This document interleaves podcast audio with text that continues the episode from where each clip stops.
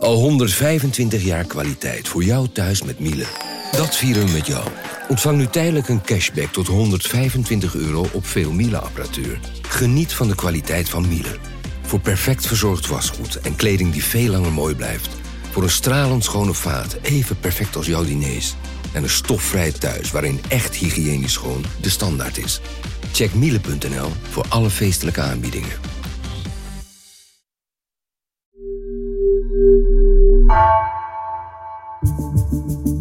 Vanaf de redactie van NRC het verhaal van vandaag.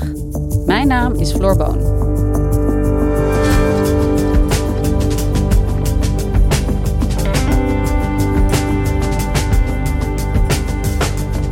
Vorige week werd het Capitool bestormd en probeerden Trump-aanhangers een greep naar de macht te doen. Het maakte duidelijk dat ook de grootste democratie ter wereld fragiel is. Correspondent Bas Blokker ziet het al maanden, zelfs jaren broeien in de VS. Hoe kon dit gebeuren? En van welk Amerika wordt Joe Biden volgende week president?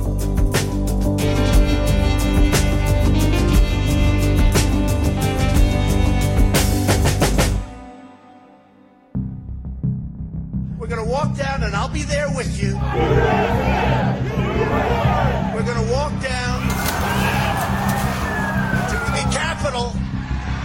Meanwhile, up on the steps of the backside of the Capitol, we're seeing protesters overcome the police. The police are now running back into the Capitol building.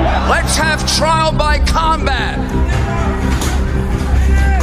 We're in, we're in, we're in, we're in. Look at this. These protesters are inside Statuary Hall. This is a, a moment I never saw in my life. These individuals just rushed through security. Get on in We love you. You're very special. But go home and go home in peace. Today was a dark day in the history of the United States Capitol.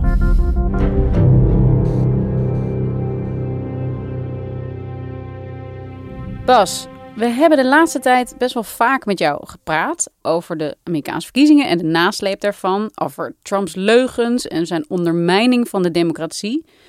Maar toch, had jij wat er woensdag is gebeurd, had jij deze apotheose verwacht? Op woensdag niet, maar eerder ben ik er wel uh, bang voor geweest. Ik weet dat ik vanaf het moment dat, nou eigenlijk het hele jaar al flirt Trump met de gedachte aan geweld. En dat is iets, hij vindt dat flink. Because you'll never take back our country with weakness. You have to show strength and you have to be strong. Trump heeft altijd geweld als een uh, middel van stoerheid gezien. En voor een man die persoonlijk niet stoer is, maar wel heel grof gebekt, is dat gewoon een manier om zich macho uit te drukken, denk ik. We fight like hell. And if you don't fight like hell, you're not going to have a country anymore. Maar voor zijn aanhang zijn dat signalen dat ze zich moeten voorbereiden. En dat hebben ze gedaan. Hey, en Bas, waar was jij toen het kapitool werd bestormd? Uh, ik was daar. Um, niet bij het allereerste begin. Dus de eerste meute, de eerste mensen die naar binnen gingen, heb ik niet gezien. Maar vanaf het moment dat ik er was, um, heb ik daar ooggetuigen kunnen spreken.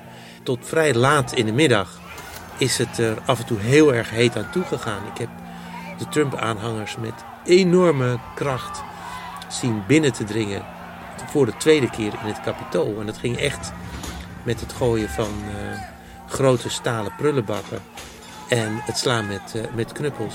Ja, en zoals je weet, er is ook daardoor een, uh, een politieman om het leven gekomen.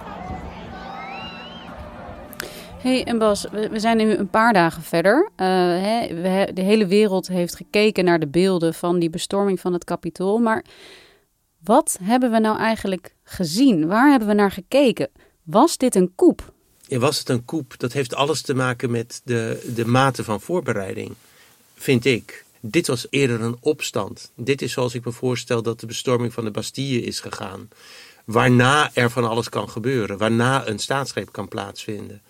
Als het slaagt. Maar het moment zelf kan lukken en mislukken. En dit ziet eruit alsof het is mislukt. Dus jij zegt eigenlijk, we keken naar iets wat mogelijkerwijs de opmaat had kunnen zijn naar een machtsgreep. Maar dat uiteindelijk niet was. Ja, daar ben ik van overtuigd. Maar goed, nou betreden we ons in het op het pad van het als. Ik denk eerlijk gezegd, als het kapitool was ingenomen, als de politie werkelijk de kant van de bestormers had gekozen en niet het kapitool had beschermd. Ik denk dat Donald Trump dan martial law had afgekondigd, de noodtoestand. En dat hij dan had geprobeerd, uh, ja, hoe moet je het zeggen, zijn leugens tot waarheid te verklaren. En de menigte is al gestopt, dus kon de president niet verder. Hij heeft een paar tweets gestuurd in de loop van de middag en het begin van de avond, waar hij heel, heel halfhartig de menigte probeerde te manen tot rust. En dat deed hij toen hij zag dat het niet lukte. We, we, we zagen uh, allerlei mensen. We zagen kleurrijke mensen, indianentooien, legerkleding, heel veel boze witte mannen om het even in een hokje te stoppen. Wie waren die mensen die daar waren woensdag? Het waren heel veel mensen die ik in de afgelopen jaren heb gezien op Trump-rallies. Er zitten altijd een paar kleurrijke figuren tussen. Ik heb drie keer in mijn leven de, de man ontmoet die een pak heeft laten maken in baksteenprint om zichzelf, en zichzelf de Wall noemt. Um, ik had de grote viking met de Amerikaanse vlag op zijn gezicht ook al een keertje eerder gezien. De Trump Rally is een rondreizend circus. Dus je ziet heel veel van dit soort mensen uh, vaker terug. Maar hij is een kolossale magneet geweest voor zeer diverse groepen. Voor diep, diep, diep orthodoxe christenen. Voor uh, razende antifaxers. Voor mensen die in elke samensweringstheorie geloven. Voor mensen die heel rijk zijn. Voor mensen die enorm arm zijn en in hem hun laatste kans zien. Een verzameling groepen die allemaal op de een of andere manier in Trump of bijna een messias zagen, letterlijk. Of in Trump zeg maar, het zoveelste vehikel voor hun voordelen, zoals rijke Amerikanen dat hebben gedaan. En dit waren mensen die het gevoel hadden dat ze ja, misschien wel een revolutie ontketenden. Hun president had hun daartoe opgeroepen. Uh, nou ja, dat is dus niet gelukt. Wat betekent dit voor deze groep? Um, er zijn mensen die zeggen: bereid je maar voor, sla water en voedsel in, want uh, we, we, gaan er nog één keer tegenaan. Maar er zijn ook mensen die zeggen: Trump heeft ons nu ook verraden, hè, door, die, door die halfhartige tweets. En er zijn nu heel veel mensen die hun woede koelen op wat, ze, wat Trump Big Tech heeft genoemd. Uh, de bedrijven die Trump hebben afgesloten van zijn geliefde communicatiemiddelen. Mr. Trump lost his primary megaphone overnight when Twitter permanently shut down his personal account, breaking off his connection to nearly 90 million followers. Ja, hij kan niet meer op Twitter, hij kan niet meer op Facebook, hij kan niet meer op Instagram. The company, run by Jack Dorsey, saying after close review of recent tweets from the real Donald Trump account and the context around them, we have permanently suspended the account due to the risk of further incitement of violence. Rechtstreeks door de woorden van de president aangestuurd is er een opstand geweest die vijf mensen het leven heeft gekost. Trump wordt dus van Twitter geweerd. Wat betekent dat voor hem? Oh, dat wordt nu aangewezen als zie je wel, de dictatuur is al begonnen. Trump heeft zelf fameus ooit gezegd uh, in een interview: zonder, zonder mijn tweets was ik hier niet geweest. En Trumps uh, regeerstijl is heel vaak gekarakteriseerd als regeren per tweet. Twitter is zijn, uh, ten eerste zijn persoonlijke verslaving, maar het is vooral voor hem altijd een manier geweest om regelrecht met 88 miljoen mensen te communiceren. Hij, hij, hij noemt de, de, de media de vijand van het volk en nepnieuws.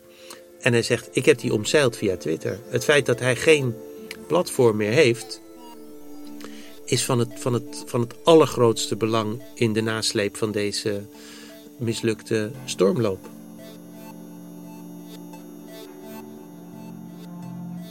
nadat dit gebeurde, of op het moment dat zich dit aan het voltrekken was, zag je ook bij uh, nou ja, invloedrijke republikeinen iets gebeuren. Mensen die eigenlijk tot nu toe heel erg hun steun en jarenlang, maandenlang hun steun hadden uitgesproken voor Donald Trump, um, die ja, namen ineens afstand. We condemn the violence that took place here in the strongest possible terms.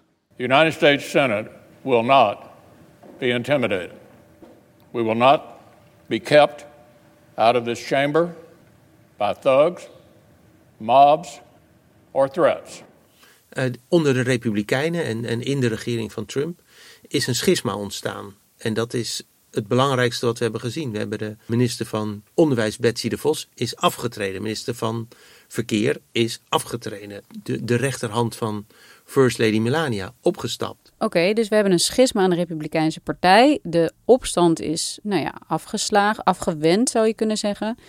Is de, ja, de beweging die Trump zo anders ondersteunt hè, en de beweging die hoopte hiermee toch nog een verandering in die verkiezingsuitslag misschien mogelijk te maken, is die dan nu ten einde gekomen? Nee, dat denk ik niet. En vergis je niet, um, dat schisma is niet ontstaan door die opstand alleen. Trump heeft zelf een schisma gemaakt, omdat hij steeds volhield: ik ben als president gekozen.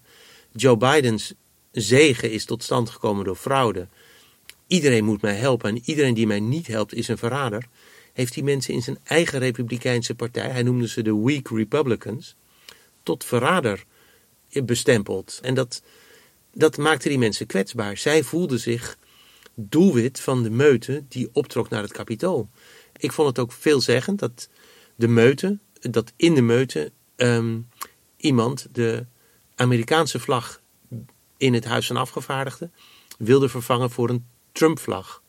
Dat, dat zegt, dat, dat is een symbolisch gebaar. Dit is een Trump-beweging, geen patriotische beweging zoals ze dat zelf zeggen. What happened today in Washington D.C. is not America. Definitely. What we're currently watching unfold is un-American. I am I am disappointed. I'm sad. This is not what our country should look like. This is not who we are. These were rioters and insurrectionists, goons and thugs, domestic terrorists. The scenes of chaos at the Capitol do not reflect a true America. Do not represent who we are. Tijdens de bestorming van het Capitool en daarna hoorden we heel erg veel mensen zeggen van this is not America, zo zijn wij niet. Maar het gebeurde wel. Hoe kijk jij daar tegenaan? Was dit een on-Amerikaanse actie? Uh, niks is on-Amerikaans en niks is ook on-Nederlands. Alles kan overal, dat is in het algemeen. Maar meer in het bijzonder, dit land is, um, is geboren uit een Boston Tea Party, waar als indianen en piraten verklede mannen een schip hebben bestormd waar uh, door de Engelse kroon belaste thee op werd uh, vervoerd. Weet je, dit land is in geweld geboren, uit een opstand. Natuurlijk weten Amerikanen dat je met geweld de geschiedenis kunt veranderen, want dat hebben ze zelf gedaan. Ja, en toch ziet Amerika zichzelf heel erg graag als een soort baken van, hè, mondiaal als baken van de democratie. Is dat een tegenstelling of, of zie je dat samengaan? Binnen het kader van een, van een stevige democratie, want dat is wel bewezen, en deze democratie kan een, kan een klap doorstaan, uh, is er van alles mogelijk dat, de, dat op gespannen voet lijkt te staan met de democratie. Daar is Amerika niet uniek in. Uh, dat vind ik echt, daar moet je voorzichtig mee zijn. De hele retoriek van de Shining City on, on the Hill, the Beacon of Light en iedereen kijkt naar ons. Ja, iedereen kijkt naar Amerika omdat het een van de grootste grootmachten in de geschiedenis van de wereld is. Punt. Hoe uh, is dit allemaal voor Joe Biden? Begint hij straks met een enorme achterstand in zijn presidentschap? Ik denk dat Joe Biden deze uh, mislukte stormloop kan omzetten in zijn voordeel. Hier heeft het lelijke Amerika zijn lelijkste gezicht laten zien. En voor een centrist als Joe Biden is het goede Amerika niet alleen zijn democratische partij en de democratische kiezers, maar nadrukkelijk ook de Republikeinse partij en de Republikeinse kiezers. Het goede Amerika moet hier niets van hebben. En hij wil met het goede Amerika van twee partijen als president verder. Dat heeft, dat heeft hij voor woensdag gezegd. En na woensdag heeft hij dat herhaald. Joe Biden kan hier garen bij spinnen. The past four years we've had a president who's made his contempt for our democracy, our constitution, the rule of law clear in everything he has done. He unleashed an all-out assault on our institutions of our democracy from the outset. And yesterday was but the culmination of that unrelenting attack. Joe Biden kan nu aan de slag met de gematigde krachten binnen de Republikeinse Partij en zeggen: Wees gerust, ik luister naar jullie. Wij zijn de mensen van de gezagsgetrouwheid. Wij zijn de mensen van fatsoen. En dat zijn niet toevallig conservatieve termen. Committing ourselves to the rule of law in this nation.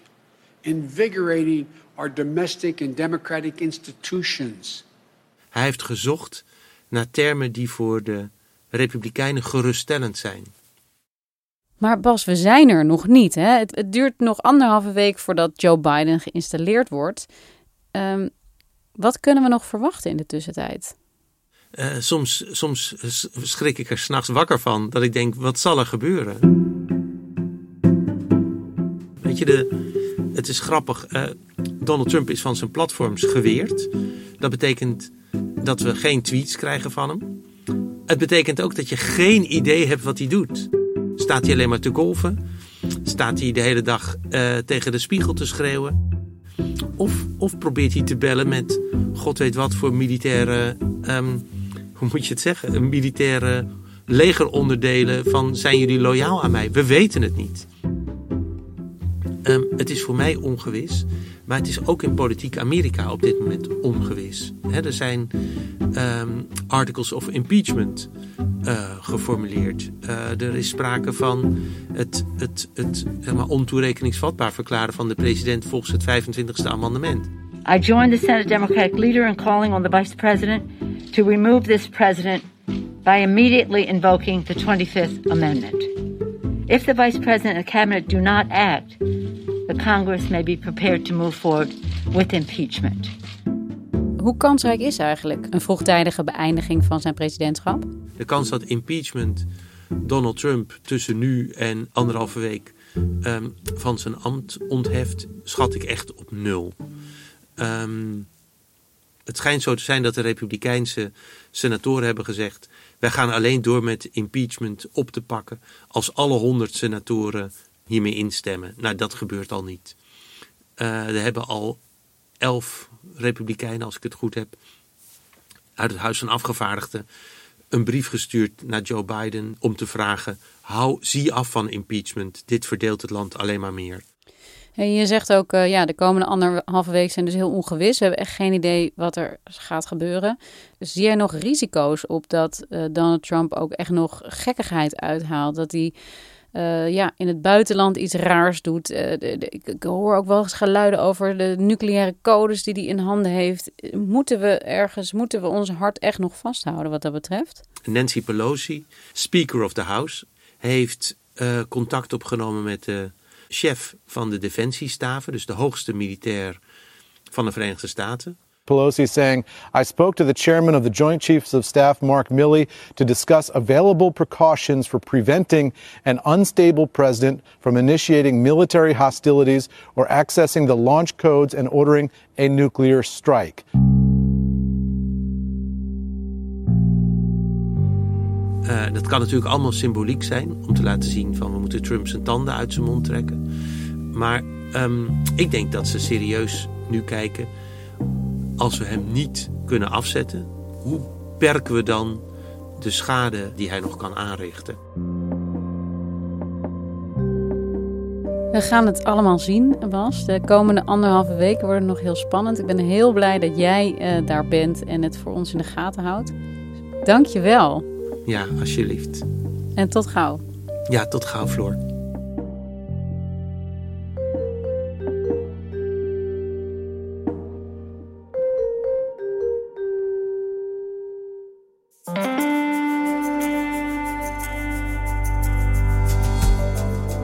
Je luisterde naar vandaag, een podcast van NRC.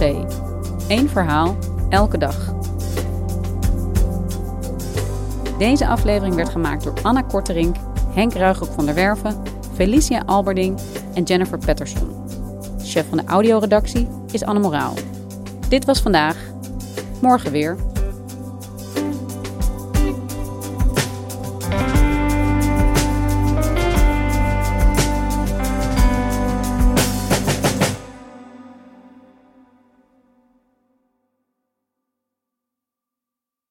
Technologie lijkt tegenwoordig het antwoord op iedere uitdaging.